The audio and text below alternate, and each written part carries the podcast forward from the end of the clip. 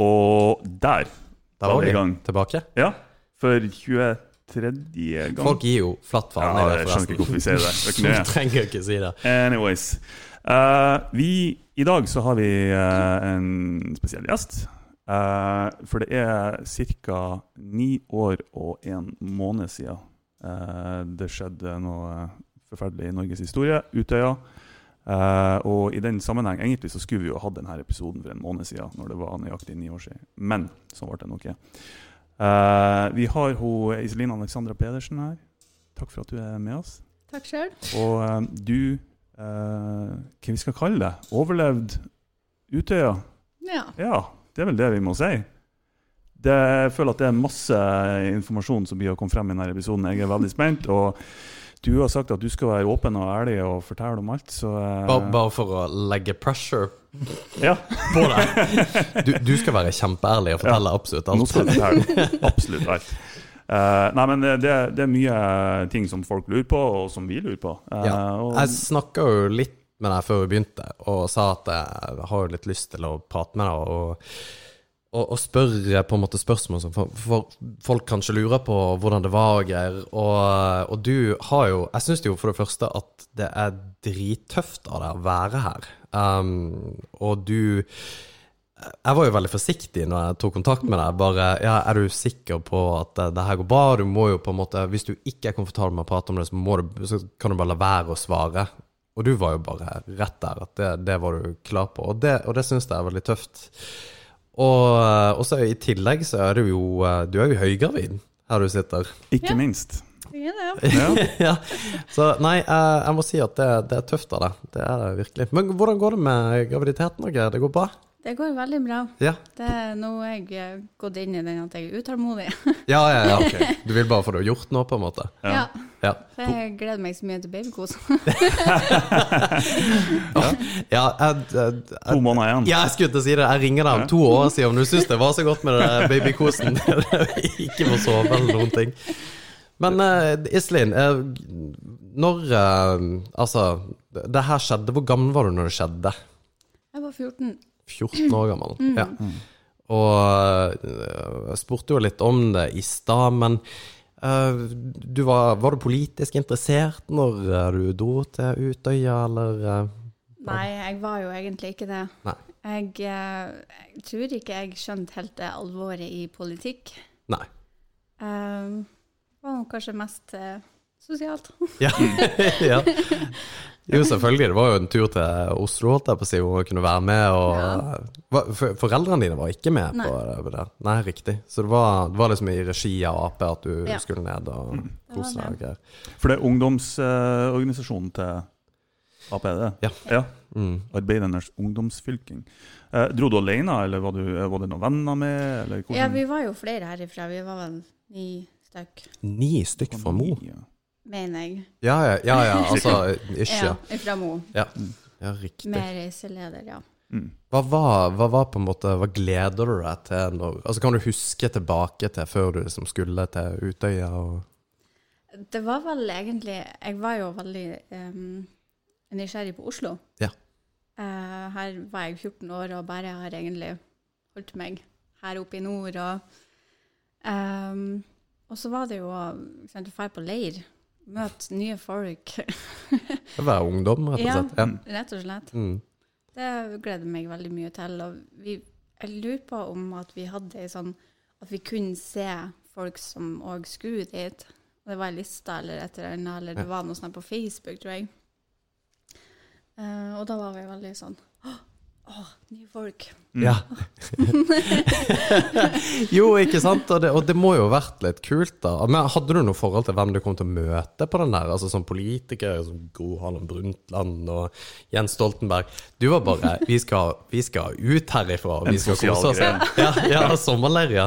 Men sånn tror jeg det var, um, uten at jeg vet det, men jeg tipper det var flere som hadde det var årsaken til at de Ja. får Ikke nødvendigvis at alle brenner så fryktelig for politikken. Nei, nei, nei, nei. Eh, men så- i og med at det er liksom politisk Altså, det var Jo, jo, jo. Arbeiderpartier leir. Ja, macht frei. Nei, uff. ja vi er ikke helt der, altså. Nå, uh. Det var overraskende mange som var der for politikken. Var det det? det? Var faktisk det. OK, Det- da tok jeg helt feil. Så, ja, men jeg trodde heller ikke at For jeg var jo ikke nesten slemt å si det, men jeg var liksom ikke der for politikken fordi at jeg visste ikke hva det var. Jo, men jeg tenkte en ærlig sak. og, derfor så Når de hadde sånne aktiviteter, så var jeg litt sånn som en fjortis. Så bare «Ah, Nei, gidder ikke. Jeg legger meg heller og sover igjen. Og nei, reis Ja. langt. Og Ja.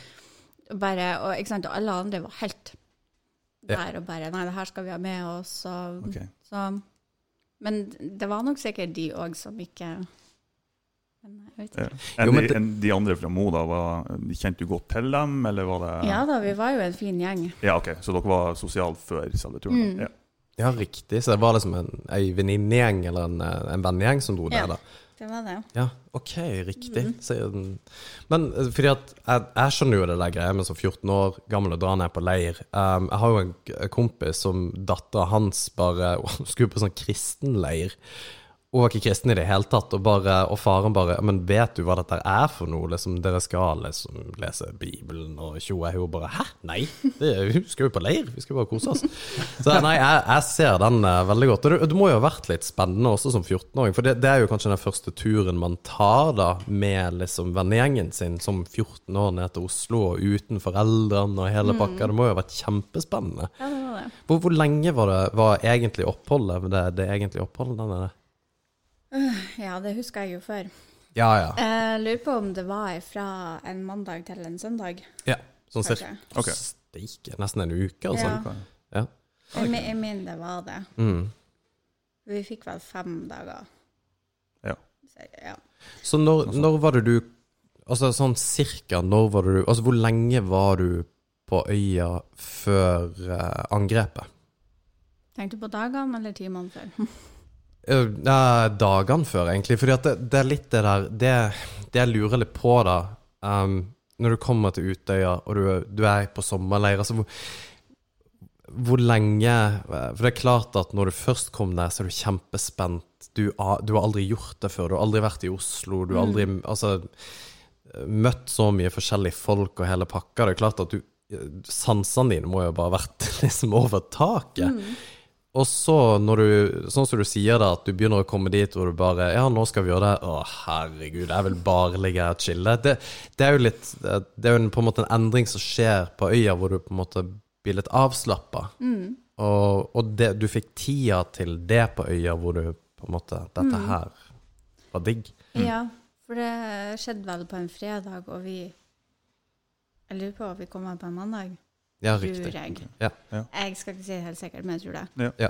Så, eh, men, og, men allerede på onsdagen så var, så var jeg og Karin i hvert fall, vi var litt sånn Ja, hadde nå vært godt for en hjem. Mm. Du var litt klar, på en Ja. måte? Ja. Mm. Mm. Var det heimlengsel, eller var det bare at det var ikke helt det dere tenkte? Hun hadde vel litt mer heimlengsel. Okay. Eh, og til meg så var det eh, de der aktivitetene som bare var ikke helt din greie? Men hvem var, hvem var Karin? eh, Det var hun som, eh, som døde herifra. Riktig. Ok. Mm. Så det var eh, og, og dere var tett sammen hele, hele veien, på en måte? Det er jo inntil da, ja. Ja da, hun var, hun var min aller beste venn. Å ja, såpass, ja. For da er vi jo allerede kommet inn i det som er sånn fryktelig alvorlig. Og da er det jo Du, du nevnte fredagen, det var da det hele greia skjedde.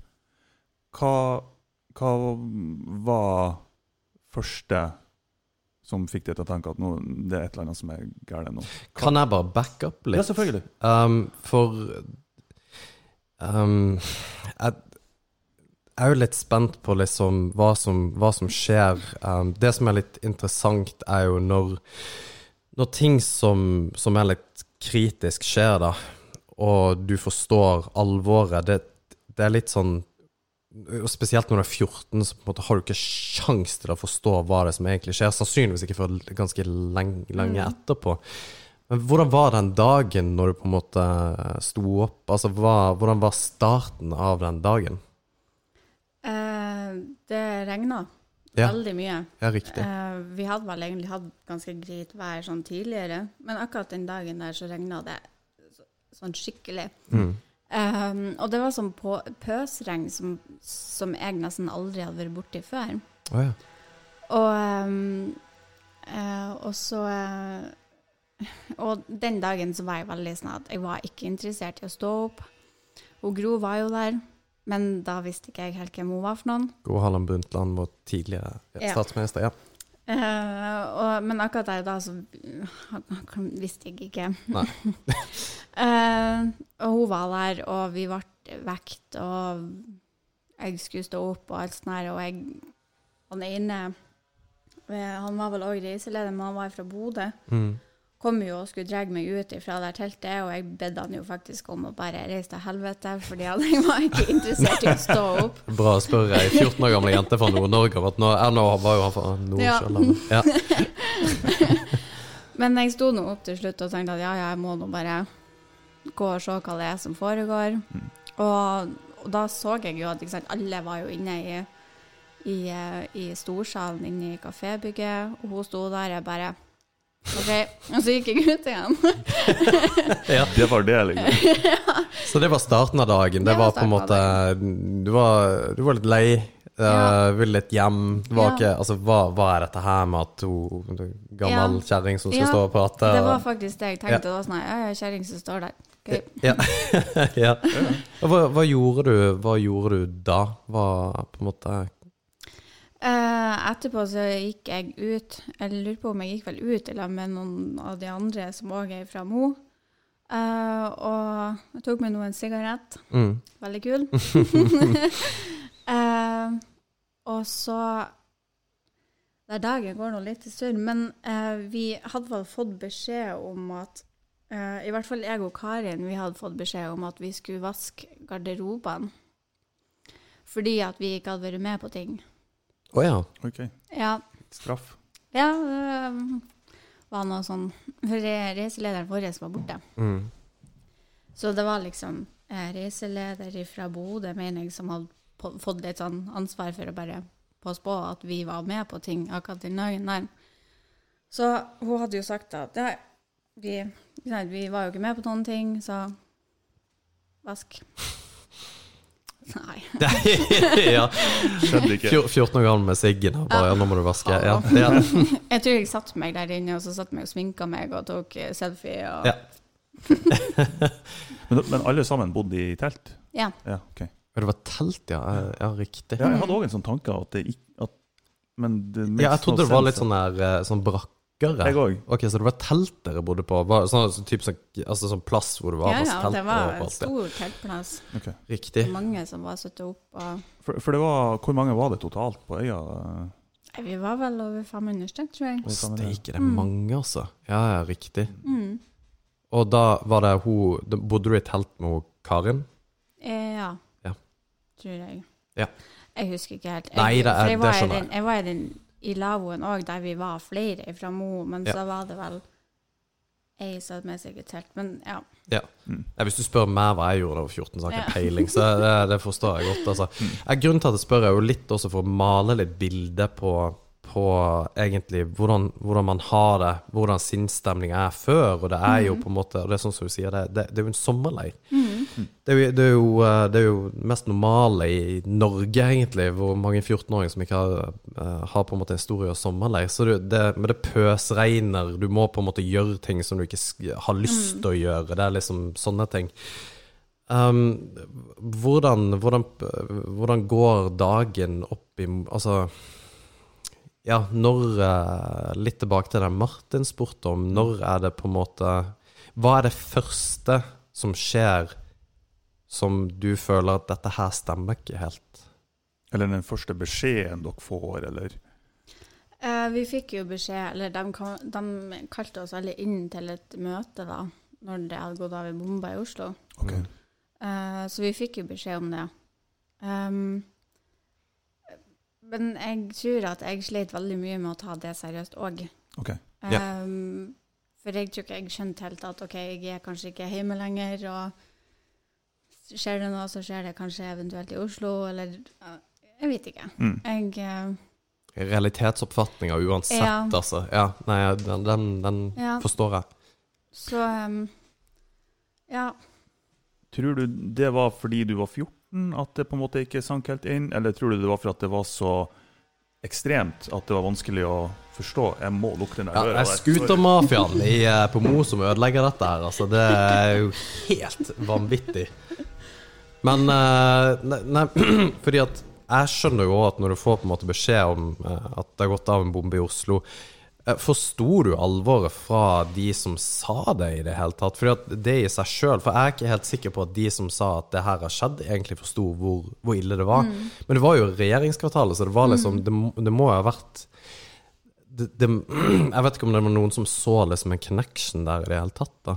Det vet ikke jeg heller. Nei. Eller det var vel folk Mange av oss som var der, var, veldig, ble veldig redd og veldig skeptisk og måtte ringe hjem til sine kjære. Og, og jeg hadde ingen i Oslo som jeg visste av, så jeg var litt sånn Jeg vet ikke hva Nei. jeg skal gjøre, egentlig. Jeg visste ikke helt hva jeg skulle si. Og jeg tror at, for å svare på spørsmålet ditt, så tror jeg at det kanskje var en blanding Ja.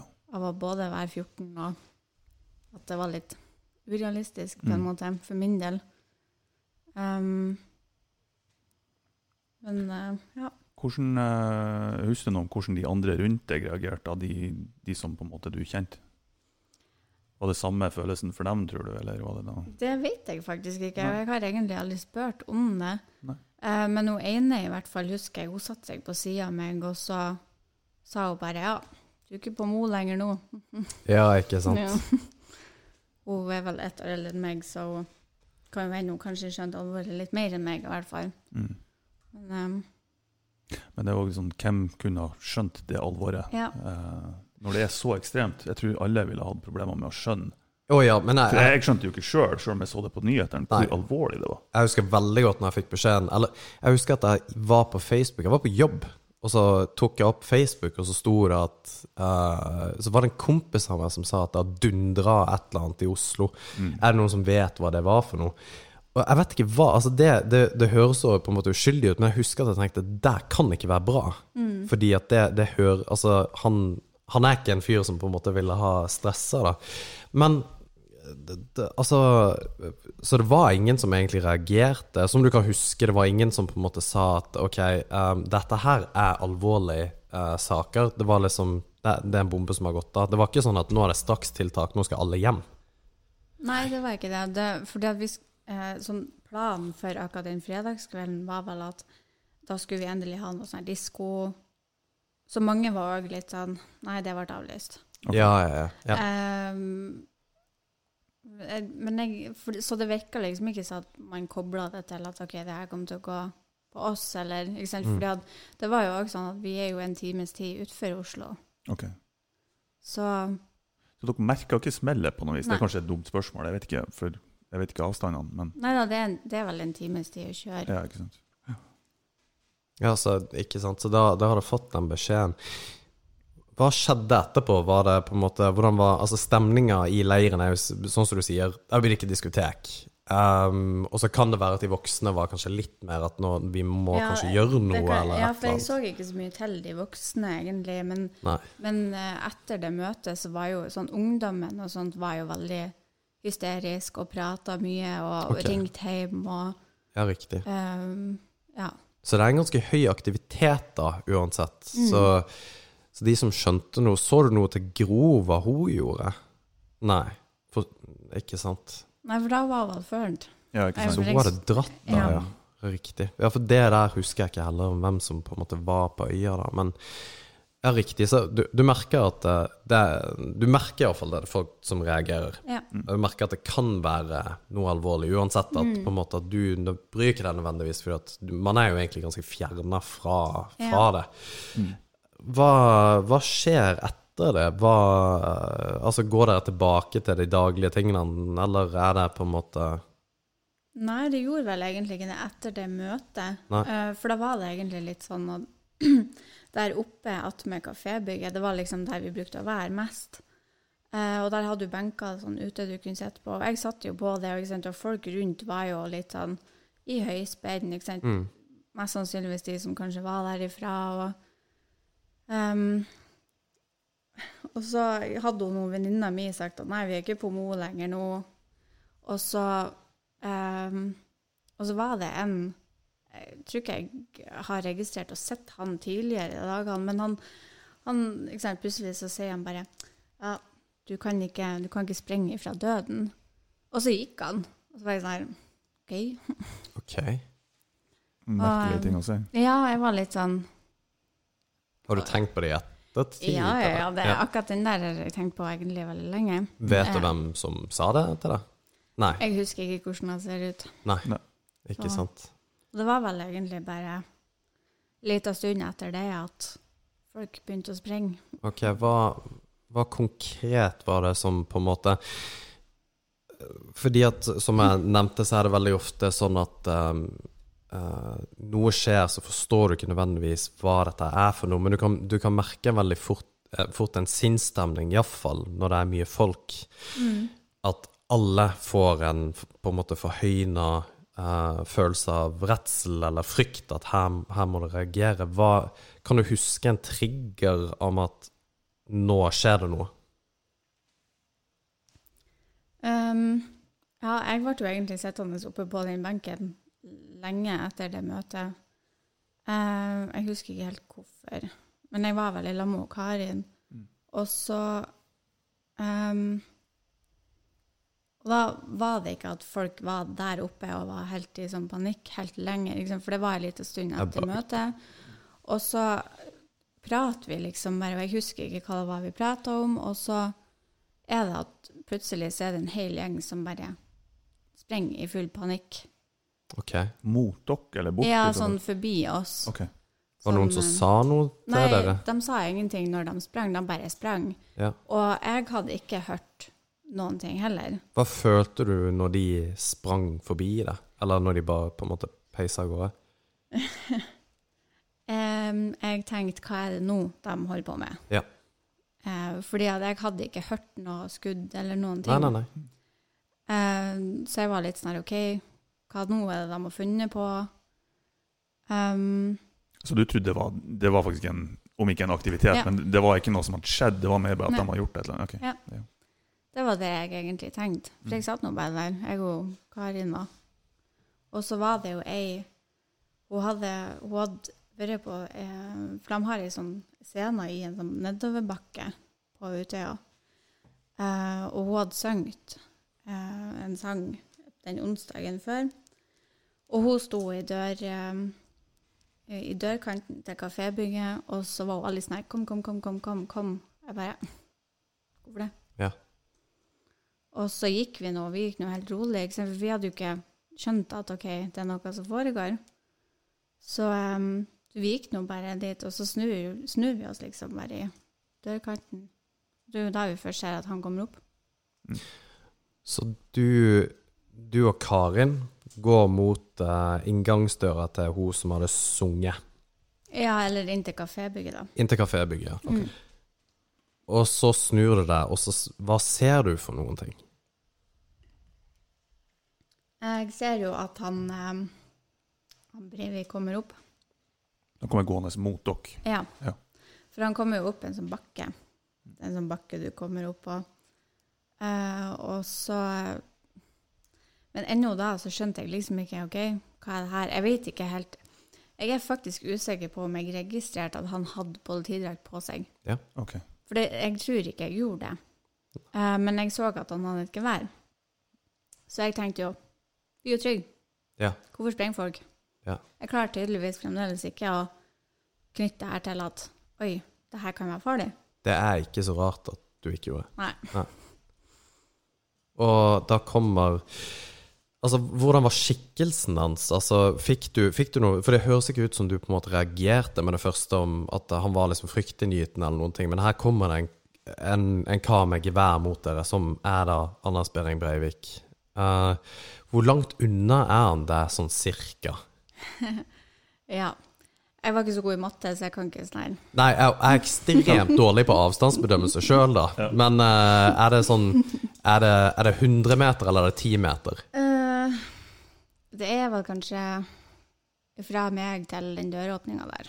Å, herregud. Ok. Så fem meter, med andre ord. Ja, um, det er maks fem Mhm. meter. Ja. Snur du deg, og da Å, steike, jeg for trodde han du kom kom til å si liksom opp bakken, og det er jo litt lenger unna, og så kom han jo gående. Han kom gående rolig og Ja, ja, helt rolig. Uh, og så når det var sånn cirka den her avstanden, da, så var det jo ei vakt som hadde kommet og skulle snakke med han. Eh, jeg tror de snakka i sånn ett-to sekunder. Det var ikke lenge, i hvert fall. Men så detter han vakta liksom bare ned. Og det hadde han jo. liksom, De ble jo skutt, men jeg registrerte heller ikke at det var det han ble. Nei. Hørte ingenting. Du hørte ingenting?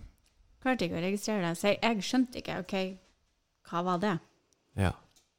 Um, så eh, jeg, jeg stivna jo til. Mm. For nå var jeg sånn Oi, hva skjer nå? Så det var jo kanskje da det var litt sånn OK, det er faktisk noe feil som skjer her, men jeg skjønte ikke helt hva. Ikke sant? Men han vakta du, du husker ikke noe hva han sa? Det kom en vakt og prata helt rolig. Jeg hørte ikke hva han sa. Nei, men han var rolig. Det var ikke Ja, ja. sånn stopp, stopp. Det var opp Nei, til nei, det Så han trodde jo sannsynligvis at det var et politi, Mm. eller at det var noe som hadde skjedd og, og greier. mm.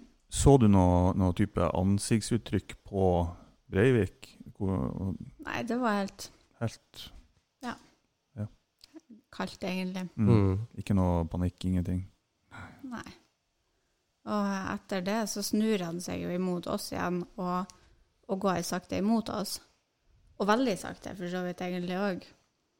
Og det var jo da jeg egentlig stivna til og bare Hvor skal jeg? Hva skal jeg gjøre?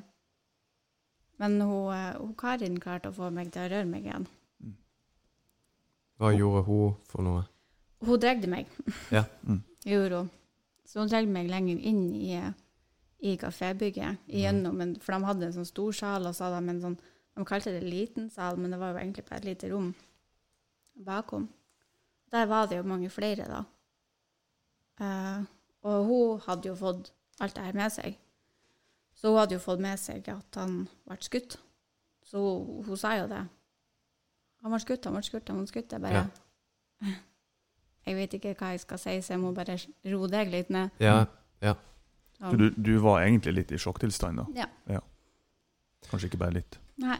Så hun, hun dro det Altså, hun fikk det da ut av på en måte den transen, da, til, å, Mm. til å reagere. Um, så når hun gjorde det så du, altså Fikk du med deg noe med han, hva, hva Breivik gjorde, om han på en måte begynte å altså, Sa han noen ting? Begynte han å gå vi, mot dere? Merker du, altså, merker du noe til han? Eh, Nei, jeg gjorde egentlig ikke det. For etter at hun dro meg inn, så hadde ikke han da fortsatt å komme inn den veien. Da gikk Riktig. han bare eh, nedover imot teltplassen. Ok. Så han fulgte ikke etter dere inn i selve kafeen? Nei. Nei. Og det var først da jeg faktisk begynte å høre skuddlydene. Ok. Når han var der ute da på teltplassen. For det som har skjedd, at du um, det, det som jeg syns er så um, Det er ganske spesielt at du har vært så nært han.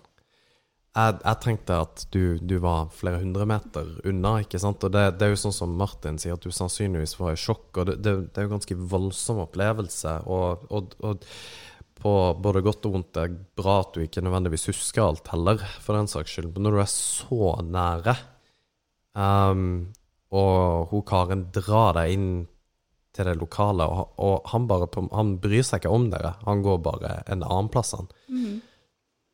Så han eh, Ja, det er, det er iskaldt, altså. Mm. Og, og, og du får med deg at Karen da eh, har forstått all alvorligheten i Mm. Eller iallfall forstått hva som har skjedd, ikke nødvendigvis situasjonen. Nei. Og du begynner på en måte sakte, men sikkert å forstå hva Mm. som skjer. Og så hør, hva er det du hører for noe? Uh, det jeg hører, er jo at han, han er jo utfor eh, bygget da på teltplassen og, og skyter. Det er det jeg hører. Um, og så er liksom Karin er rett foran meg. Hun begynner å bli veldig i panikken. Og jeg begynner kanskje å skjønne at OK, nå er det noe som skjer. Eh, så jeg prøver jo òg samtidig å roe henne litt ned. Fordi at jeg tror at jeg på en måte prøvde òg å fordøye det litt, sånn at jeg Mm. visste hva jeg på en måte kunne gjøre. Um, og han I det rommet vi var, så var det ei trapp der på sida fra teltplassen, så du bare kunne gå rett inn. Og han kom jo opp Ok. la oss. Så um, Sorry, jeg prøver bare å få bildet, fordi at jeg, det så mye ja. det, ja. Ja, nei, så, så han på en måte først går mot døra, og så går han til teltplassen, og så kommer han ifra teltplassen opp trappa og inn. Ja. Ja, OK. Og du Ja, for bygget er liksom Det er liksom sånn, og så eh, kommer du opp bakken, Mm. og så har du den hovedinngangen der, men og så har du teltplassen her borte, mm. og så har du inngangen da der på sida. Hvor langt unna telt, er teltplassen som Det var der med avstander, men er det sånn Det er liksom egentlig bare Det er rett i nærheten? Ja, OK. Ja.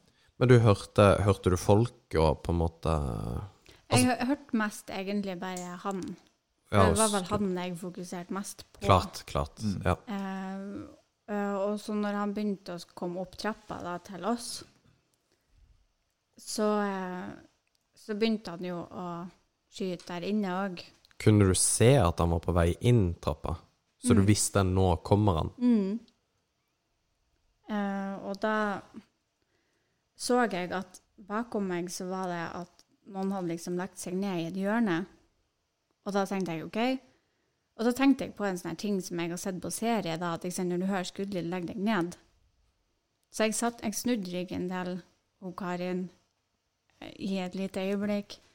Satte meg ned på huk, og når han begynte å skyte der inne, så tenkte jeg jeg kan ikke være her. Mm. Jeg hoppa over folk og hoppa rett inn på doen. Mm. Mm. Hvordan Fordi at du, du får jo et overlevelsesinstinkt der, ikke Mm. sant? Og man eh, jeg, jeg, jeg, kan- det, det er helt umulig å vite hvordan det der er, eh, uten å ha vært der sjøl, en lignende situasjon. Og det er klart at når du Du ser jo døden i hvitøyet, da. Um, og det kan jo Hvordan følte du den når du snudde deg og på en måte reagerte? Hvor, altså Gikk tida sakte? Gikk det fort? Kan du huske altså Husker du i detalj hva som skjedde akkurat der og da, eller er det bare Det gikk faktisk veldig sakte, sånn, sånn egentlig.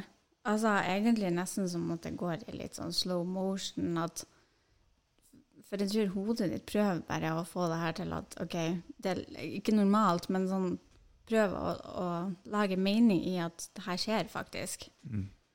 Um, og samtidig som at hjernen din prøver på det, så prøver òg kroppen din å skal fære derifra. mm, Så det blir en sånn Hva skjer?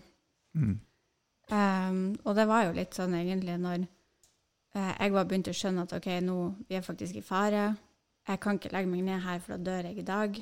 Eller da dør jeg med en gang.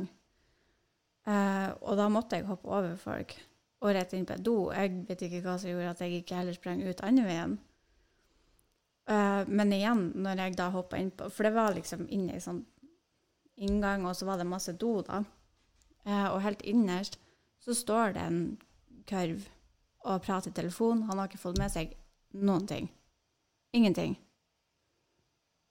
Og, ikke sant? og da når jeg går, jeg går sånn jeg sakte imot han. Og det her er veldig rart. Jeg syns sjøl at det høres veldig merkelig ut. Men alt blir liksom stille rundt. Og så spør jeg han sånn du, Har du fått med deg det er noen som skyter her? Og så tar han telefonen og jeg bare Hæ? Og så bare hører du masse hyling og sprenging og skyting. Så det var et sånn øyeblikk der det ble Ja. helt stille, liksom? Ja. Det da er gikk det litt sånn sakte, egentlig, på en måte òg. Mm. Man sier jo det òg fra eh, igjen da um, soldater som har opplevd em, å, å være under angrep, da. Mm. De husker uh, lukter. Uh, Mm. De husker veldig godt lyder. De husker veldig, veldig detaljerte ting som skjer, fordi at hjernen din er i hyperdrive Mm. for å på en måte finne ut av hva er det som skjer, Mm. hvordan skal jeg komme ut, um, altså, eller hvordan du skal reagere, da. Um, så det er ikke nødvendigvis så merkelig, det, det, men sånn som du sier, når det blir helt stille, og Altså, du, du sa jo at du måtte krabbe over folk. Var, var de fortsatt i live? Det vet jeg ikke. Nei, ikke sant. For da fra du reagerte på at nå skal jeg Nå må jeg komme meg unna, Mm. eller fra du setter deg ned på huk da, til at nå må jeg komme vekk. mm. Eh, Husker du at det ble skutt på deg? jeg, jeg husker lydene, Men jeg husker liksom ikke at jeg sjøl så så mye der. fordi at akkurat idet jeg tenkte at nei, her kan ikke jeg være, så var det litt sånn OK, hvor er utveien? Mm. Hvor kan jeg være? Var det noen utvei fra de toalettene som dere var på? Eller måtte du på en måte inn igjen? Eh, det, det rommet som var, det var liksom Det var ei dør som gikk liksom ut sånn, og så var doen der. Mm. Og, og da rett fram der, så er, jo, så er det en sånn lang gang til den inngangen vi kom inn i. Okay. Så du måtte liksom gå forbi der uansett. Ja. Og du regna jo ikke med at han Breivik bare gikk ned trappa igjen Nei. når han først var der inne. Og hva tenkte du da, når du på en måte var egentlig innestengt på, på toalettet? Hvordan var hendelsesforløpet da? Jeg tenkte at jeg kom til å dø. Mm. Jeg, eh, jeg var, som jeg bestandig har sagt, 98 sikker. Mm. Og på en måte så hadde jeg etter hvert òg gjort meg litt klar på at det kom til å skje. Fordi at jeg hadde ingen plass å dra. Mm. Vi var jo seks stykk som satt inne i det lille Noe. Mm. Det var seks stykker. Så det var du, han, han du prata med, og Ja. fire til. ja. Um, hvor lenge var dere inn på det doet? ja, det spør du godt. Mm. Ja. Jeg føler at vi var der til kvelden.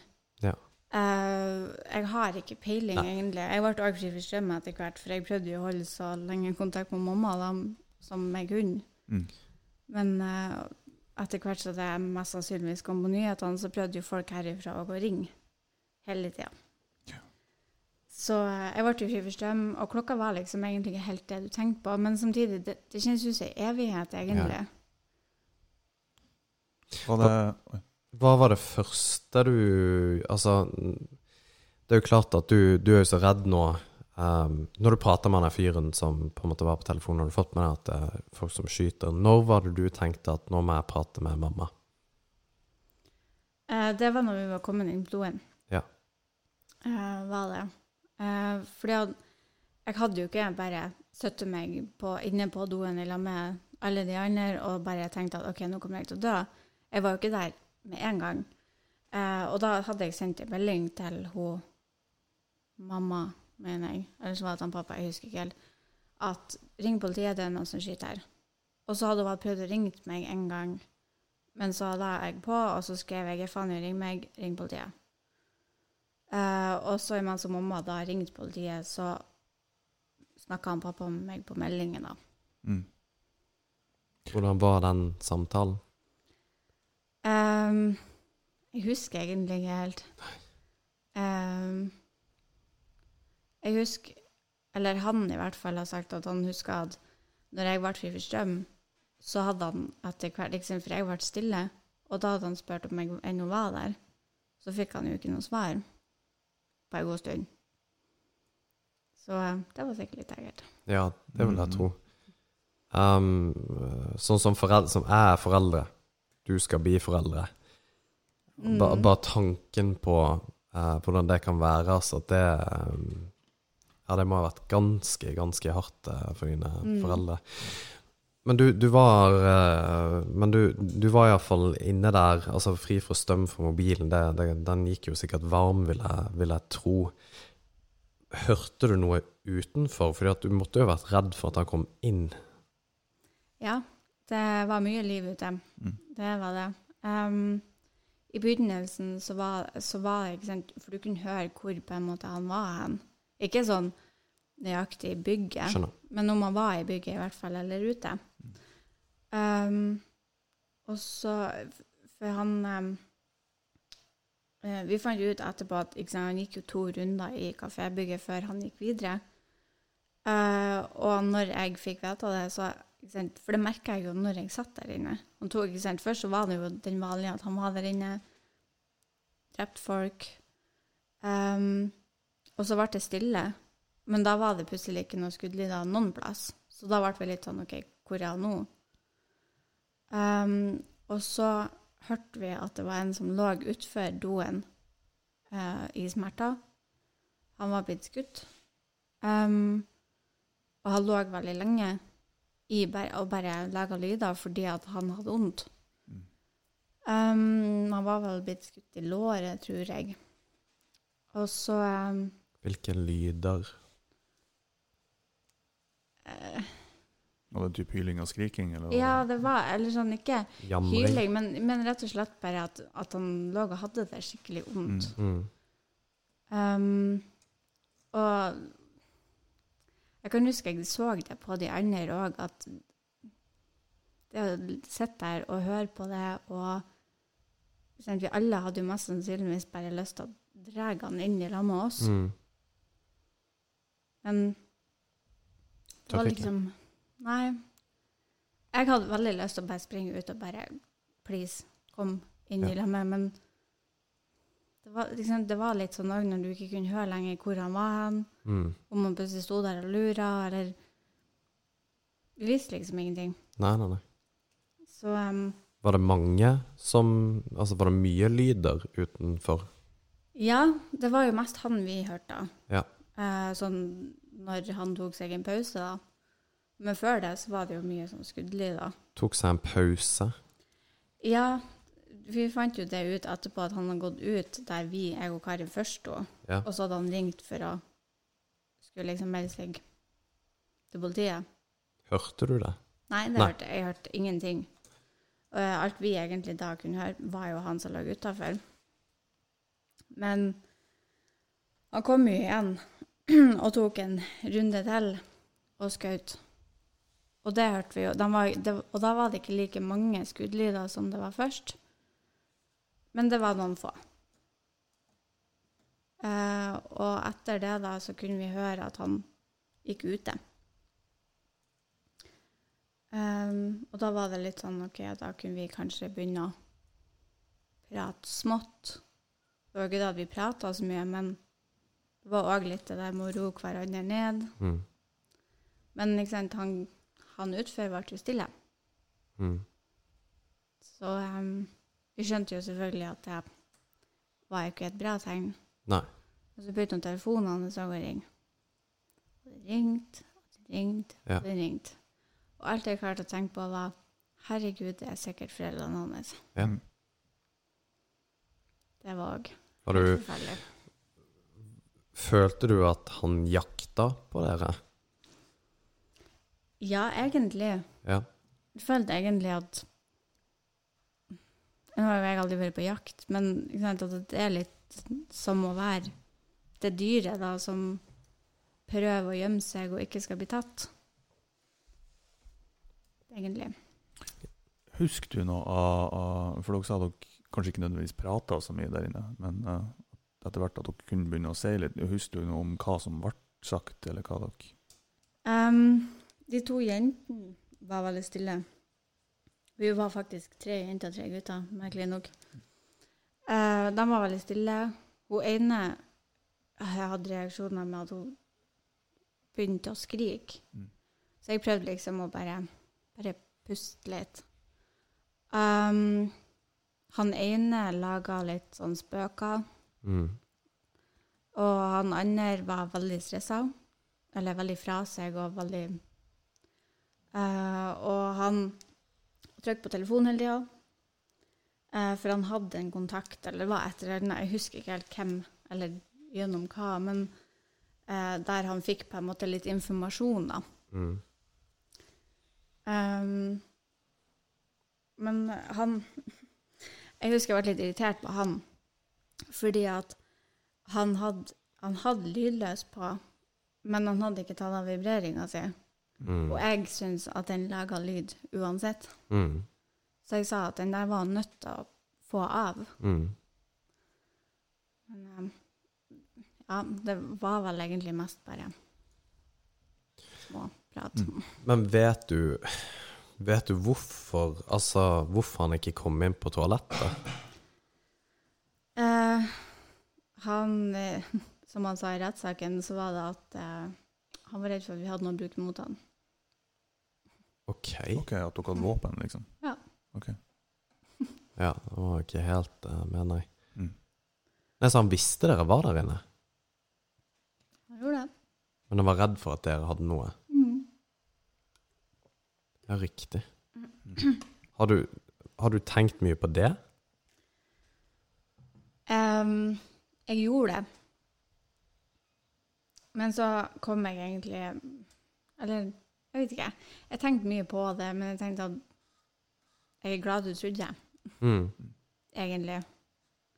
Men så hadde jo òg Men den tanken der har òg slått seg selvfølgelig mye i lag med når han ga sin egen forklaring i rettssaken, at, at planen hans var jo å drepe hver eneste en av oss. Og den er jo selvfølgelig veldig ond å høre. Mm. Ja. Så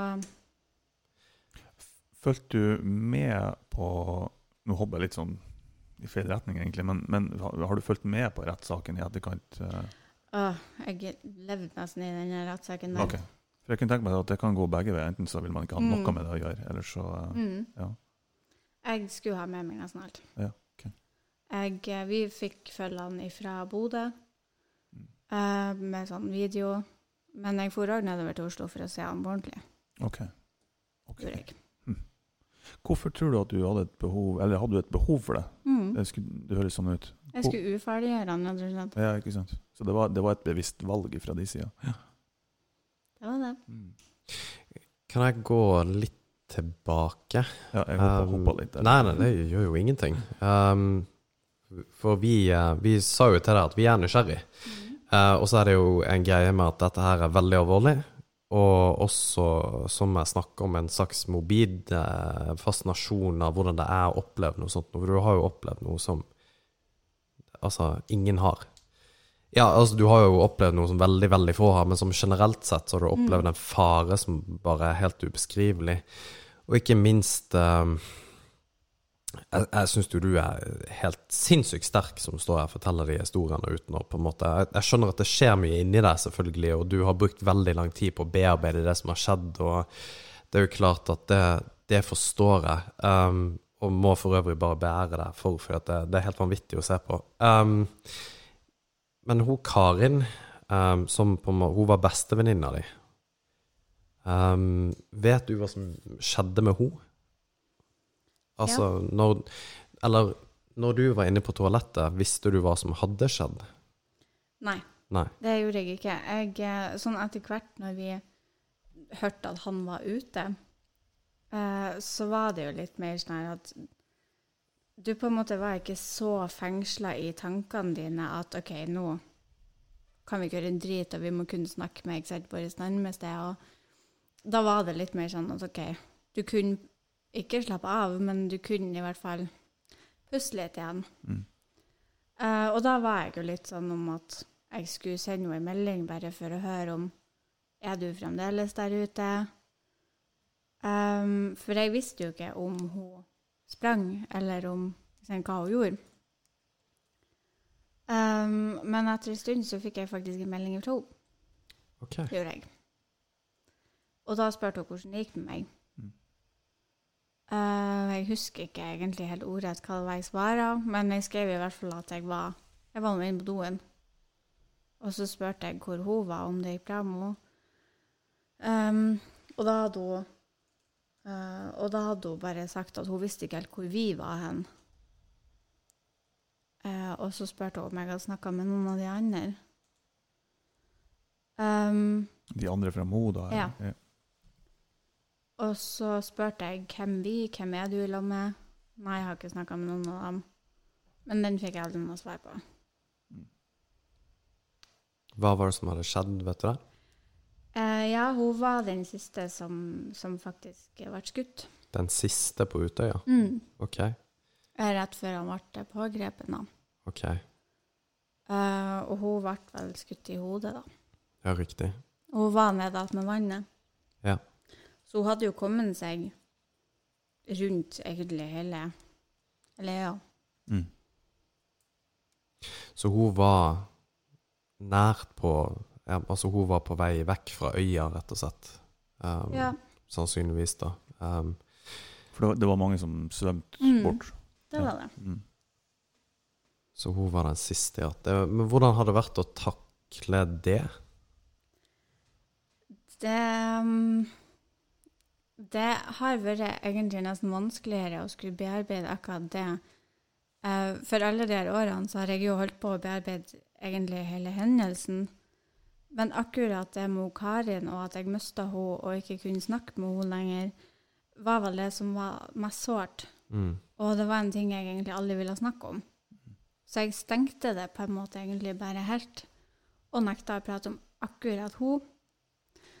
Um, det var liksom ei dør jeg bare Nei, den her åpner jeg ikke. Og ikke sant, når årene gikk, så så ble den døra egentlig bare Den ble tyngre. Men jeg tenkte også at hvis jeg åpner den der, så blir jeg å havne i så langt nede at jeg aldri kommer meg opp igjen. Mm. Var jeg redd for. Hvorfor det? det? Hvis det går greit å spørre om det. Mm. Um, hvorfor hva? Ja, hvorfor, eh, hvorfor var det så vanskelig å prate om? Um, Sånn som det med hendelsen og ikke sant, hun mamma de har vært egentlig altså, Jeg syns de har vært veldig flinke på ikke sant, med meg etter det der. Og de sant, var veldig raske på å, å skulle lære meg det. Og, sant, at det er greit, og det er lov å prate om det hvis du har lyst. Og, sant, var veldig åpent og kunne snakke med meg, sjøl om de ikke skjønte noen ting. ikke sant, det, eh, men akkurat når det kom til hun Karin, så For hun var liksom egentlig som den søstera jeg aldri fikk. For at hun var den som dreg meg ut av senga hjemme, og jeg hadde aldri noe valg. Og hun var den som Jeg skulle overnatte henne hele tida, det var ikke et spørsmål engang. Og ja, hun var liksom rett og slett bare min andre del. Mm. Livsgnist, på en Ja. måte. Mm. Men du snakker om henne nå. Og så, eh, når tid begynte den døra å åpne seg? Ja, når det gjorde den egentlig det? Jeg vil egentlig si at hun begynte å åpne seg, eller sånn at jeg godtok at hun åpna seg, var vel kanskje når jeg ble gravid. Ok. Så det er ikke så lenge siden. Nei. Det er ikke det. Mm. Nei, og um, Og dette kan være for personlig. Du, du trenger ikke svare, men hvorfor tror du at den døra åpner seg når du blir gravid? Det har jeg egentlig òg lurt litt på. Ja. Um, jeg er jo selvfølgelig mer hormonell på ting, og eller sånn Jeg er jo egentlig en følsom person fra før av, samtidig som jeg ble veldig hard etter Utøya. Men samtidig så er det liksom nå når jeg ble gravid, så jeg kan nesten måtte ha blitt kjent med følelsene mine, og jeg, jeg er nødt til å bli kjent med, med alt med det, ikke sant? for at jeg skal være ei god mor, tenker jeg at jeg vil ikke ha noen sånne skjeletter i, i skapet og, som plutselig en dag da skal komme og overvelde meg. Mm. Det vil jeg ikke.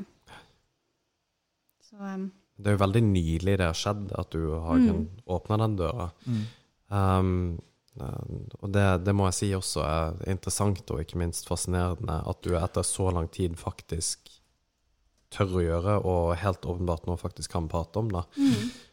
Det, det Jeg tenker at det er beundringsverdig òg, de tankene som du har om, Mm. eh, om eh, den som skal ut snart.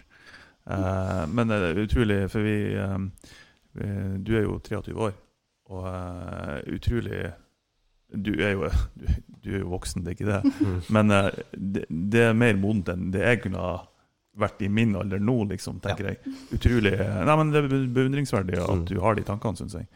Um, ja. Um, jeg tenkte litt på, for vi har snakka litt om foreldrene dine, og, og du hadde kommunikasjon med dem um, under selve hendelsen. Og hva var på en måte Hvilken reaksjon hadde du eller dem når dere på en måte møtte hverandre etter hendelsen for første gang? Um, jeg kan ikke si så mye om deres, egentlig, for jeg var mer sånn opptatt av i mine egne. Ja, klart. Uh, men jeg hadde faktisk fått dem til å kjøre nedover, fordi at de skulle hente meg. Det var, var sånn her, For jeg fikk lånt meg en telefon den kvelden jeg, jeg endelig var kommet meg over, fra en ambulansemann. Og jeg ringte han pappa og bare 'Kom og hent meg. Jeg vil ha dere her'. Og jeg tror ikke jeg egentlig skjønte at jeg er jo faktisk i Oslo, da. Men, Jeg tror eh, ikke det har noe å si men for foreldre. dine de foreldre. satte heller. seg rett, rett i bilen og kjørte nedover. Mm. Så da dagen etterpå, på formiddagen, så kom de jo, og det å se dem igjen var egentlig ubeskrivelig. Mm. Det å kunne klemme foreldrene sine igjen. Det var liksom det som gjorde at OK, jeg, jeg, jeg overlevde faktisk. Mm. Husker du noe av det, det første som ble sagt mellom dere? Nei, egentlig ikke. Nei. Jeg eh, husker at mamma prøvde å få kontakt med meg. Sånn ordentlig kontakt, og kunne snakke med meg, men eh, jeg var ikke så mottakelig. For jeg hadde òg eh, var noen jeg var blitt kjent med fra lenger nord, Mm. eh, som jeg bestandig gikk og dilta veldig etter på det hotellet som vi var frakta til. Eh, jeg vet ikke hvorfor, men at det kanskje var at jeg følte meg trygg da, eller med dem, eller det var et eller annet. Eh, så det var liksom dit de gikk, gikk jeg òg. Og mamma prøvde liksom Hallo, kan du bli, være så snill snakke litt med meg? Mm. Og så husker jeg liksom at hun prøvde liksom å bare Hei. Og da gikk jeg bare rett i skrikinga. Men eh, du, du uh, Vi hopper jo litt. Um, og jeg tenker at når du, når du måtte, Skytinga begynner å på en måte gå ned altså, hva, hva er det som skjer når du går ut av toalettet? Uh, ja, da er jo politiet der. Oh, ja, så, så dere blir på toalettet frem til politiet kommer? Yep. Hvordan, reager, altså, hvordan reagerer du ved å se en politimann? Jeg tror ikke det var politiet. Altså Nei. sånn Ennå jeg ikke tror at jeg registrerte at han hadde det på seg, så var jeg fremdeles sånn her Er du politiet? Er du politiet? Er du politiet? Mm. På politiet. Så jeg tror kanskje på en måte at jeg fikk det med meg, men samtidig ikke. Jeg vet ikke. Mm.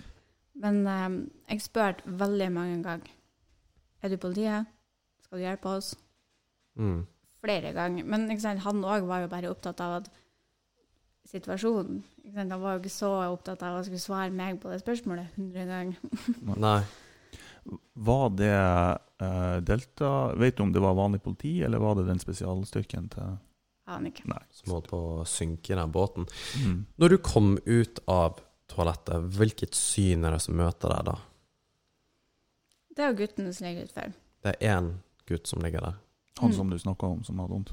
Mm. Er han, er han død, eller er han Han er død. Ja, riktig. Um, var det flere inne på det rommet? Uh, vi ble jo 70 For først var vi jo ikke så mange som vi ble på en måte funnet i bygget. Så vi gikk liksom da Jeg lurer på om vi gikk gjennom storsalen og så inn på et sånt kott. For der kunne han politimannen da stå For der var det tydeligvis òg ei sånn dør ut mot teltplassen. Men det var så høyt igjen at der kunne du ikke gå ned. Men der kunne han stå liksom og bare følge med, da. Å ja, Rett og slett. så når politimannen kommer og møter dere, så er på en måte ikke faren over. Nei. Og, og det, det er litt viktig, fordi jeg ser jo for meg at når han kommer, så er på en måte alt greit. Men det kommer, hvor mange politimenn er det som kommer da til deg? Jeg husker ikke helt. Nei. Men i det, når vi var i det kottet, så var det, så var det han ene. Det var én Ja. med et gevær da, som Ja. sikrer på en måte en annen retning, og har dere, og på en måte passer på dere da. Mm. Mm. Da, Um, ja. Og så, for når vi, for vi var For det, det de sa, var liksom at de skulle få over de som var skada først. Mm. Og det er jo helt sånn, selvfølgelig. Uh, og så ble vi frakta inn i et sånn lite kott, for vi var ikke så mange først. Og der inne ble vi sittende en liten stund, i hvert fall. Jeg husker ikke helt hvor lenge. Uh, men der inne ligger det òg ei som var blitt skutt i skuldra. Um, og jeg kjente henne igjen. For jeg hadde blitt kjent med henne noen dager før. Okay. Um, så, og, så jeg sa liksom hvem det her var for noen. Var hun død? Nei da, hun var ennå i live. Okay. Var hun. Men hun var i veldig sterke smerter, hun var Ja. veldig tørst. Ja, ja. Um, så vi fikk på en måte egentlig beskjed om at vi måtte bare prate på henne, holde henne i live. Og det var litt sånn Til en 14-åring, ja. Ja, Mm. det var litt sånn OK. Jeg husker ikke Jeg mener jeg sa noe til henne, og hun kom faktisk med en spøk òg, for hun, hun hadde faktisk humor sin der, men jeg husker ikke hva den der eh, spøken hennes var. Men Men hun hadde faktisk humoren sin fremdeles der ennå hun lå der med skuddskade, og det, det syns jeg var veldig tøft, egentlig. Men uh, hun, eh, hun døde. Hun døde av skaden. døde til slutt, ja. Gjorde det. Og, og det som er greia, er jo at uh, når man er der um, Man vet jo ikke om det er flere som på en måte er rundt. Man vet ikke at det er én Anders Behring Breivik. Man, Mm. man aner ikke hva det er for noe. Og alle, altså hele situasjonen tilsier at det faktisk var flere. Mm. Og at det, så det må jo ha vært ekstremt eh, For det, det er jo ikke sånn Det er kanskje det noen tror at Ja, nå tok de Anders Behring Breivik, nå, Mm. da var det bare å pakke sammen og gå. Men altså, man hadde jo ingen idé på situasjonen overhodet. Nei, de, de visste jo heller ikke De visste jo at de sannsynligvis hadde tilknytning til den bomba i forkant. Mm. Uh, men de hadde jo òg mistanke om at det kunne være bombe Ja. plassert på øya. Ja, ja, ja. Mm. Så det er mye å, å ta i Mm. betraktning. Det må ha vært. Ekstremt kaotisk. Og Mm. det, det er jo det som er greia når du er på den øya. Du vil jo egentlig bare bort derifra, Mm. du vil hjem. Uh, og spesielt når på en måte ting har roet seg litt ned i forhold Mm. til at nå er, nå er det iallfall noen som tar vare på oss, som ser ut som kan ta vare på oss, altså Mm. politiet. Eh, så må du fortsatt være der. Og du har som 14-åring eh, blitt bedt om å på en måte holde noen i, i Eller prate med dem, da. Du, du er jo da Du Du har fått føle død på deg, da Mm. for å si det rett ut. Um, har du det, det, det er feigt å spørre deg om. Men hvilke tanker er det du har hatt i etterkant, f.eks. med hun her? Altså, har du, har du følt at noe i den forbindelse med at du måtte liksom prate med henne som 14-åring? Har du forsona deg med at uh, de som gikk bort, gikk bort fordi at noen andre? Ja, både og, egentlig. Altså, I begynnelsen så var det jo egentlig mye skyldfølelse. Uh, Det var veldig sånn at det var vanskelig å skulle ha en hverdag, og det var vanskelig å skulle leve. Mm. Um, fordi at hvorfor skulle du gjøre det, og ikke de andre? Ehm, men akkurat med hun så var det ikke Jeg følte aldri at det var min feil. Bra. Mm. Det gjorde jeg ikke. Um, men jeg hadde jo selvfølgelig tenkt mye på og jeg skulle ønske at jeg kanskje kunne vært mer jeg kunne gjort, men samtidig så var det ikke det. Og um, jeg hadde òg prata med faren hennes, uh, fordi at politiet hadde klart å gi helt feil informasjon på hvor dattera faktisk døde. Så okay. da ble jeg den som måtte ta den samtalen med faren. Så du måtte som 14-åring ta, etter det du har opplevd, ta en samtale med pårørende? Ja, for jeg, jeg hadde laga meg en blogg på den tid en stund etterpå. Og der hadde jeg vært veldig åpen om hele historien min. da. Bloggen er ikke der lenger. um, og da jeg lurer på om det var da han hadde tatt kontakt med meg. Ok, så han tok kontakt med Ja. deg? Ja, skjønner. Ja, riktig. Hvordan Ja, men da har du gjort noe Unnskyld, Nei, men det, det er jo litt viktig. Da har du gjort noe veldig bra. Mm. Um, Ja, absolutt. på en måte forsona seg i hvert fall til hvordan ting skjedde, da. Hvordan, uh, hvordan foregikk den samtalen? Eller hvordan opplevde du den samtalen? Um, jeg var veldig redd for å si noe feil. Jeg var en far som hadde mista dattera si, og Hva, Jeg hva kunne du ha sagt feil? Nei, det er akkurat det. Jeg har egentlig ikke peiling. Men Mm. det var liksom egentlig bare å sitte der med følelsen på at jeg satt i lag med dattera di og døde, Mm. og jeg gjorde ikke det. Og, men samtidig så er det også det at OK, jeg har aldri møtt deg før. Sant? Jeg møtte dattera di der borte. Mm. Men samtidig så var jeg bare helt ærlig og sa akkurat sånn som det var. Fordi at jeg tenkte at jeg ville ikke holde noe tilbake heller. Fordi at jeg har, vel, har bestandig prøvd å holde en veldig god kontakt med mora til Karin, f.eks. Og, og der har hun òg vært ikke sant, at selv om det er veldig ondt, så har hun måttet, hun hatt et behov for å måtte vite alt. Mm. Og det tenkte jeg at ok, det har nok sikkert han her òg.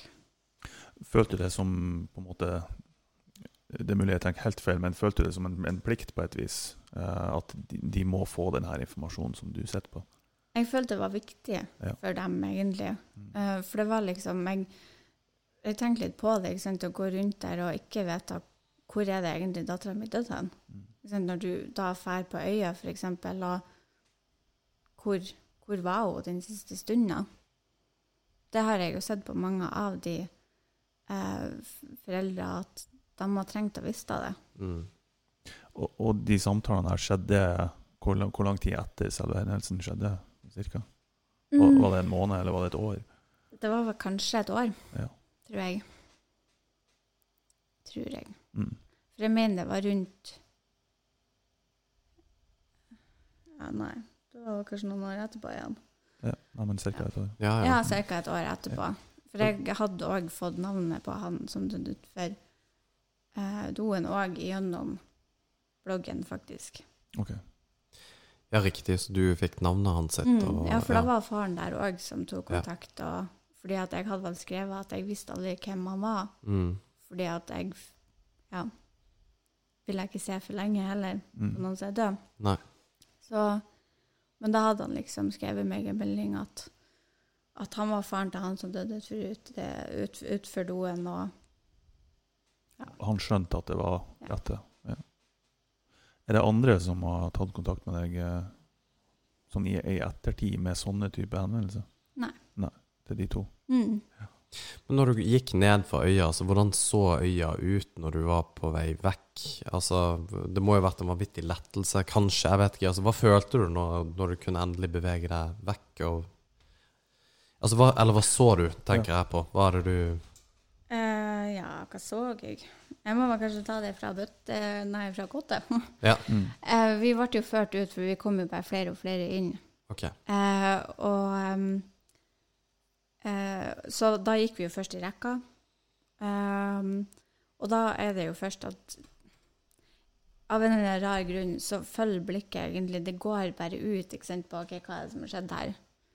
For hun ene bak meg hun sa ok, nå fester du blikket ditt i bakhodet på han foran deg. Ok. Men det klarte ikke jeg å gjøre, for Nei. blikket mitt bare Ja. Jeg må se det her av en eller annen grunn. Um, og der var det jo et par stykk som, som satt oppe etter veggen, da. Som døde. Mm. Uh, og så ble vi jo sittet i den langgangen, og det var bortfor han som lå utfor doen død. Der ble vi sittet, for vi ble mange flere, og så da etter noen timer så, så kunne vi jo gå over. Eh, da skulle vi ned og ta den eh, båten over, da. Mm. Eh, og der, og da, men da hadde de lagt over egentlig ute. Ikke sant? Da hadde de lagt over sånn hvite. Mm. Og jeg tror at det er mye av det som òg har gjort at jeg har følt meg veldig stuck. Mm. Fordi at jeg har bestandig ikke sant, Inni hodet mitt så har jeg gått og venta på at han på en måte bare kunne reise seg og gå sammen med meg. Ja. Og være med meg hjem. Mm. Um, men så gjør de liksom ikke det. Nei. Det er liksom det jeg bestandig på en måte bare har gått og venta på. Og, og det å gå da i den stien nedover, og du ser bare de der hvite lakenene Du går Du går liksom Går i rekka. Du har akkurat fått beskjed om at ja, hører dere noen skuddlyd? Legg dere ned. Ja. Så du visste liksom ikke helt om det var ferdig engang Nei, heller. nei, nei, nei. Nettopp. For de visste sannsynligvis heller ikke det. Nei. Mm. Når, når var på en måte Jeg vet ikke om du klarer å sette noe tidsbegrep på det, men når, når var første punktet der du på en måte følte deg trygg? At du var utenfor fare? Det var vel i løpet av senkvelden når jeg var på hotellet. Ok, Så det, var, det tok så lang tid? Ja. Mm. Det var det. For det var litt sånn Når vi måtte gå i rekka, altså den skjønner jeg, men du fikk beskjed om at OK, hører du noe skuddlyder, så må du bare legge deg ned. Mm. Så var du litt sånn Da var du forberedt på OK, det, du kommer til å høre det. Mm. Uh, og så på båten så var det litt sånn OK, nå er du litt utfor fare, da. Og så på bussen så var jeg sånn Nei, han er bussjåføren og sikkert med på det. Mm. Ja, riktig. Mm. Hvordan ble dere tatt imot? Altså, hvem var det som, som Altså, du sa at du var på hotell. Um, var det sånn at dere bare Altså, var det noen der til å ta vare på dere? Uh, ja. De hadde vel Det var jo masse ambulansefolk der, så vidt jeg husker. Den kvelden i hvert fall. Og dagen etterpå, tror jeg, så var det vel eh, Da var det vel noe sånn her Du kunne prate, eller Ja. Du, Så du fikk et hotellrom, og, og du Og så sov du den natta? Nei, ikke sant? nei, ikke i det hele tatt. Det var jo Altså, hele den natta var jo å følge med på nyhetene. Mm. Hva har skjedd? Hvem er det her? Hvor mange er så døde? Var du alene på det hotellrommet? Nei, jeg var sammen med Jeg var kjent med noen folk fra Karasjok. Okay. Eh, det var ei, ei Nei, det var vel flere jenter. Og så var det ei, hun var veldig mye sammen med dem, så jeg trodde bestandig hun òg var fra Karasjok, men hun var veldig fra nedi rundt Trondheim, tror jeg. Eh, og så var det broren til hun ene og en annen en. Så jeg gikk mye sammen med dem, så det var liksom dem jeg på en måte holdt meg veldig mye til. Så hele den natta så holdt jeg meg liksom til dem, da. Mm. Er det de samme personene som du snakka om når mora di Ja. Når tid, når tid var um, Kan du fortelle litt om det tilbudet? Jeg vet ikke om det er et tilbud, men de har vel noen profesjonelle folk som, som dere får lov å snakke med, eh, antar jeg, etter en sånn hendelse. Mm. Um, hvordan, hvordan fikk dere tilbud om det, og hvordan tilbud var det, og hvordan oppfatta du det? Um, vi fikk vel noe sånn kriseteam når vi var kommet til Mo. Ok, så ikke der nede, altså, men Jeg mener det var noen der nede òg som vi prata med, og det var noe sånn her skjemafylling. Men jeg, jeg klarer ikke helt å huske det. Nei. Um, men når vi kom hjem, i hvert fall, så hadde de jo allerede ordna til at det var kriseteam klart til oss, at vi skulle møte dem og sånt. Mm. Husker jeg. Det, det er jo uh, igjen ganske bemerkelsesverdig hvor rolig du er. Um, og så skal vi ikke For jeg skjønner at dette her må være litt stressende for deg å, å prate om. Uh, så vi skal ikke dra det for lenge. Men du må jo ha fått en, en, et helt nytt perspektiv på livet. For du skjønner hvor skjørt det er. Mm. Um, og det snakker jo litt om at uh, det, det må jo være Altså Nå har du liv i magen også, mm. og, og du Altså, det må være ganske Ganske stort, det her, da. Og, og jeg- Å bare vite hvor skjørt det er, og gjøre det beste ut av den tida man har her. Jeg vet Ja. ikke hvordan du tenker om det. Jo, det, det er jo egentlig Jeg vil jo nesten kalle meg en litt sånn livsnyter egentlig fra Mm. før av òg, men, men sånn etter Utøya, sånn etter at jeg klarte å komme meg over det og faktisk dra fra huset mitt eh, For det tok meg òg en stund, for jeg lå jo for det meste bare hjemme. Mm. Um, men samtidig så er jeg veldig sånn Jeg er veldig opptatt av at ok, har jeg sjansen til å oppleve en ting, så skal jeg ta den. Um, jeg men, eh, men samtidig så, så er det jo ikke sant Man har jo litt plager og sånt etter en sånn hendelse òg. Så det er jo òg Det er den balansen som jeg òg har måttet ikke sant, At OK, skal jeg ha med meg absolutt alt, eller skal jeg ha den balansen på at jeg må òg høre på kroppen min på hva takler jeg egentlig akkurat nå? Mm. Eller har det vært for mye over lang tid? Um, men jo eldre jeg òg er blitt, så, så er jeg veldig spontan. Det var en Metallica-konsert nå i fjor, og ikke sant, på dagen, bare et par timer før han starta, så fant jeg og mannen min ut at nei, vet du hva, vi kjører nedover. Ja. Jo jo, men man må jo leve livet, på en måte. Ja, man må det. Ja. Eh, det, altså, det er veldig skjørt, og, og livet er jo fantastisk, så lenge man lar det være det. Mm. Mm. Hvordan For du sier det her med at da, det går går ikke an at det ikke får konsekvenser for om det er psyken eller hva det skal være i etterkant av en sånn hendelse. Men er det noe du er komfortabel til å snakke noe om? Hva, hva har det vært for noe? Sånn, klarer du å si noe konkret hva, hva du plages med? Jeg har jo diagnosen med posttraumatisk stresslidelse. Mm. Det har jeg jo. Ja. Eh, og det kommer jo Det har jo kommet med egentlig veldig sånn eh, stress som, som setter seg veldig hardt i kroppen, på en måte som kroppen tror nesten at 'å nei, nå er jeg i fare'.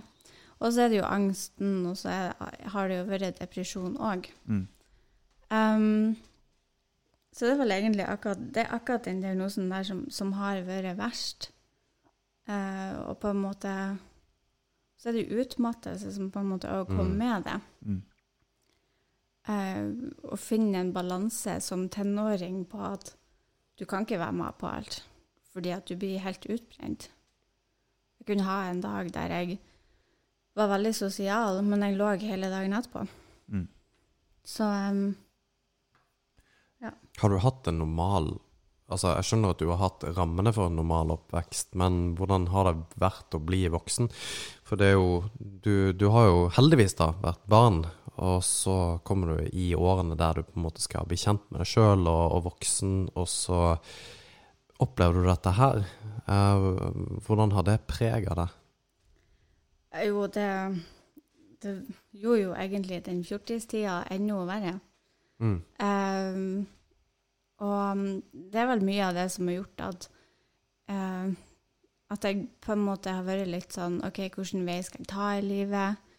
Uh? Jeg datt jo ut av utdanningen, ikke sant. Og jeg har mange ganger tenkt på at hadde det der ikke skjedd, så hadde jeg kanskje hatt ei utdanning, kanskje eventuelt en jobb, om ikke Altså, det er mye jeg tenker på kanskje kunne vært litt mer normalt i dag hvis, hvis det ikke hadde vært. Men Iselin, det er jo, og det snakka vi om litt i stad òg, er jo at du er bare 23. Ja. Um, Mm. Og jeg skjønner at du, du, måtte, du må ha blitt voksen veldig fort. Mm. Um, du har hatt opplevelser som ingen har, og, og um, jeg støtter deg på det der eh, med å på en måte ikke helt finne sin plass. Men det Mm. er det folk oppe i 40-årene som Ja. sliter med. Um, jeg syns du gjør det ekstremt bra. Du har jo Du har iallfall uh, veldig mye godt med deg, og dette her uh, det, det vil all, Du er en survivor. Yep. Du er en uh, Bokstavelig talt. Ja. En, uh, en fighter, en Mm. kjemper. Det står ekstremt respekt av. Mm. Um, jeg skjønner også Sorry jeg skjønner også at du sannsynligvis har noe som heter um, survivor guilt, um, som er det der som også da er kobla opp mot PTSD, og som Mm. da igjen soldater har. Men og hva vi sier, for vi er ikke psykologer, så det betyr jo ingenting. Men uh, det, det er tøft av det, altså. Um, og det er veldig bra at du tør å, å fortelle historien din, for jeg tror det er mange som, som har opplevd mindre ting som er verre stilt. Mm. Definitivt. Hvordan uh, sånn stressnivåskala på denne episoden, hvor, hvor ligger det sånn fra 1 til 10? Eh, kanskje en åtte akkurat nå. OK. Å ja, sier du det? Har du åtte nå? Sju, kanskje. Ja, nei, men det er bra. Vi skal ta deg nedover. Ja. Nei, jeg, jeg syns du har vært uh, utrolig tøff. Um, Jeg er storimponert. Ja. Og det Ja. sier jeg ikke bare for at du sitter her, det, det mener jeg virkelig. Ja. Um, Takk. Jeg, jeg, til og med jeg har vært emosjonell. Jeg var, jeg var ikke- det. ja. Um, Og det, men det, det er et eller annet med um, Jeg syns jo også det du tar opp med at du på en måte føler at du datt litt ut og alt dette her, at det For det kan skje så veldig mange. Mm. Um, og du og alle har på en måte hatt gode grunner til å bare være der nede. Mm. Um, men du lar det ikke skje. Og det er jævlig tøft. Og, og du kommer til å være en veldig god uh, rollemodell for dine barn nettopp på grunn av det der. Um, det det syns jeg er en fantastisk kvalitet å, å se. ja, jeg, er- jeg er Gode ord. Jeg er helt enig. Og det, det er som han sier, at du kunne faktisk ha valgt å bare gi faen. Og jeg gidder ikke å håndtere det som livet bringer. Eh, Mhm. Og du har hatt all grunn til det, Mm. men du har valgt å ikke gjøre det. Mm. det ja, nei, jeg, eh, Nei, det er jo Altså, det kommer jo selvfølgelig stormer sånn her i hverdagen òg, men jeg Jeg bare Jeg klarer ikke å skal se negativt på en ting. Jeg vet ikke hva det er, men jeg bare Jeg holder meg bestandig så positivt på at vet du hva, men det finnes bestandig løsning. Og vi kommer oss gjennom det her. Mm. Så, og det er liksom det som får meg til å faktisk i det hele tatt være et menneske i dag. Fantastisk. Mm. Um, er det noe du uh, avslutningsvis vil si, eller noe du vil uh, Ja. Nei. Mindre det er noe dere lurer på igjen. det, nei, det, det er ikke det. Jeg, jeg syns det er fantastisk å høre. Um, og du har på en måte Bare den historien din er ganske, ganske voldsom. Um, og, det er mange hjerter på chatten her. ja, og det, det er vel fortjent. Jeg ønsker deg all lykke til fremover på det du finner ut, av, og ikke minst at du, du skal føde om Ja. To måneder. Men det blir jo, det blir jo, en, det blir jo en lett eh, sak for deg, det. Men eh, hvis, det, hvis vi noensinne kan hjelpe med et eller annet, så må du også bare be oss eh, om det. Ja, Og eh, jeg håper at eh, ja, folk tar en liten eh, lærdom også eh, av det. Og at det også, jeg syns det er kult at du forteller litt om at du var slitt. Mm. Mm. Um, vi har hatt noen som har fortalt om det, og at det, det er ikke farlig å snakke om. Mm. Og uh, at alle sliter jo litt med Mm. hver sin ting. Man trenger jo ikke oppleve det du har opplevd for å slite. Nei, absolutt ikke. Det, det er liksom aldri på at nei da, det er ikke så stort. Ikke sant? En storm er en storm for hver enkelt menneske. Det, det er liksom sånn det er. Mm. Man har forskjellige måter Ja. og evner til å håndtere ting. Ja, og det, det kan påvirke en like mye likevel. Mm. Mm. Absolutt. Jeg var jo bestandig egentlig, når jeg ble gravid, så var jeg jo veldig redd for å, å skulle bli sett på som en mamma med problemer. Men samtidig så tenker jeg at det gjør meg jo sikkert bare som en god mor å vite at stormen kommer, men Den takler du. Ja. Mm. Jeg tror du blir en veldig god mor. takk. Det tror jeg. Tusen takk for at du kom hit, eh, Iselin. Jeg tror ikke vi gjør så mye mer med det enn eh, Nei. at vi takker for denne gangen. Så Tusen takk for at du stilte opp. Og jeg tror det er mange som har nytte av denne podkasten. Ja. Mm. Okay. Ha det bra. Ha det bra.